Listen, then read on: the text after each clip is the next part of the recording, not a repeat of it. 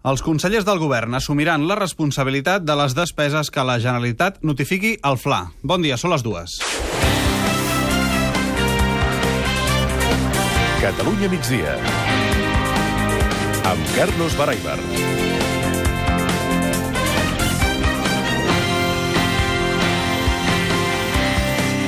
El vicepresident del govern, Oriol Junqueras, ha anunciat després de la reunió de govern d'avui, de cada dimarts, que no facilitaran els noms dels funcionaris responsables de notificar les despeses de la Generalitat, com demana el govern espanyol. En canvi, qui signarà aquestes despeses seran els consellers dels diversos àmbits i, finalment, la vicepresidència econòmica centralitzarà la informació que s'haurà d'enviar, finalment, a Madrid, al Ministeri de Cristóbal Montoro, al Ministeri d'Hisenda. Junqueras, a més, ha advertit al, al govern que, espanyol que el referèndum no es farà amb diners del FLA i que, per tant, si es retalla el FLA, el que es deixarà de pagar són factures. En cap cas deixaria d'haver-hi diners per aquesta consulta que es farà tant sí com no. Al Palau de la Generalitat, pendent d'aquesta roda de premsa, i hem tingut la Glòria Marín tot el matí. Bon dia. Hola, bon dia. Com deies, el vicepresident Junqueras ha estat contundent a l'hora de dir que el govern no facilitarà informació sobre cap treballador públic i que els consellers seran els únics que certificaran al govern espanyol aquestes despeses, les despeses dels seus departaments, una condició, com recordàveu, que posa el govern espanyol per no tallar l'aixeta del FLA, tot i que, com deies també, el govern insisteix que el FLA no té res a veure amb el referèndum que encara tallés. Per tant, aquesta aixeta, el dia 1 d'octubre, es votarà. El vicepresident Junqueras, de fet, també ha anunciat que portaran aquesta fiscalització de les despeses de la Generalitat al Constitucional i al Suprem per poder apel·lar, arribat el cas, a la justícia europea. Sobre la possible compra d'urnes, també n'ha respost en aquest cas el portaveu Jordi Turull, el portaveu del govern. Ha dit que s'informarà quan es tinguin. Avui mateix el diari Ara informa que Carles Puigdemont hauria dit en un sopar amb diversos polítics i opinadors que el govern ja les té, les urnes. En seguirem pendents. Ahir, precisament, el secretari d'Hisenda, Lluís Salvador, deia que tot plegat era una anècdota que s'havia fet gran a l'opinió publicada. En qualsevol cas, eh, no deixa de ser important que hi hagi aquestes urnes per a aquest referèndum. Sobre la situació política i econòmica n'ha parlat avui també. La Cambra de Comerç de Barcelona admet que l'economia catalana va molt bé, però adverteix que la situació política podria revertir aquesta tendència. El president de la Cambra, Miquel Valls, diu que s'ho miren amb cautela. L'economia catalana va molt bé, ara factors polítics la poden canviar. Apliquem una situació d'incertesa molt important al futur a curt termini en l'economia. Procés a banda, avui, com sempre, han passat més coses. David Badia, bon dia. Hola, bon dia. Per exemple, que hi ha tornat a haver cues excessives al control de seguretat de l'aeroport del Prat, sobretot a primera hora cap a les 6 del matí. Sí, aquest matí s'han tornat a produir algun moment de cues llargues, però no s'ha repetit el caos general d'ahir. Hores d'ara hi ha una reunió al Departament de Treball entre l'empresa Eulen i els treballadors amb la mediació de la Generalitat.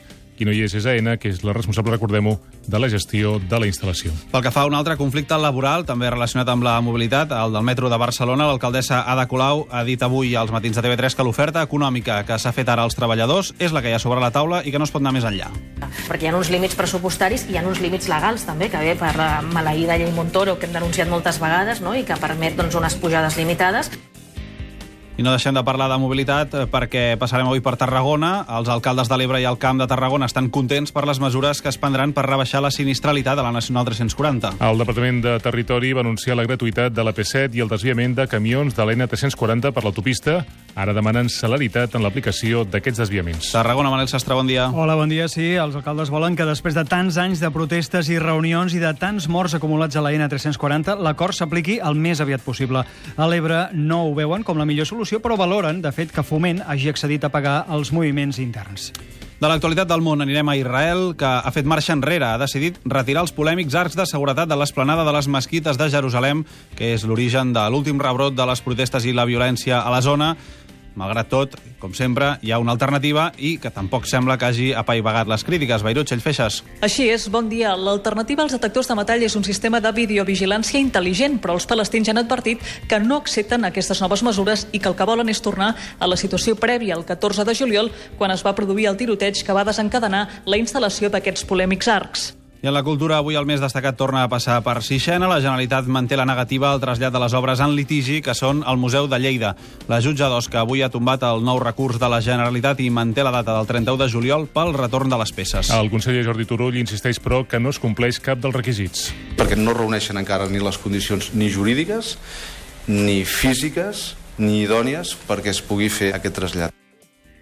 I avui hem sabut mm, una novetat encara més d'aquest eh, serial al voltant de la figura de Salvador Dalí i de la seva paternitat. Noves proves per extreure ADN en el procés judicial per aquesta demanda de paternitat de la suposada filla de Dalí. Qui s'hi ha sotmès en aquest cas? Girona, Núria Pujades? Doncs avui ha estat el torn de la mare de Pilar Abel, evident que diu ser filla del pintor empordanès. Una secretària judicial i una forense li han pres mostres d'ADN a la residència geriàtrica de Figueres, on resideix.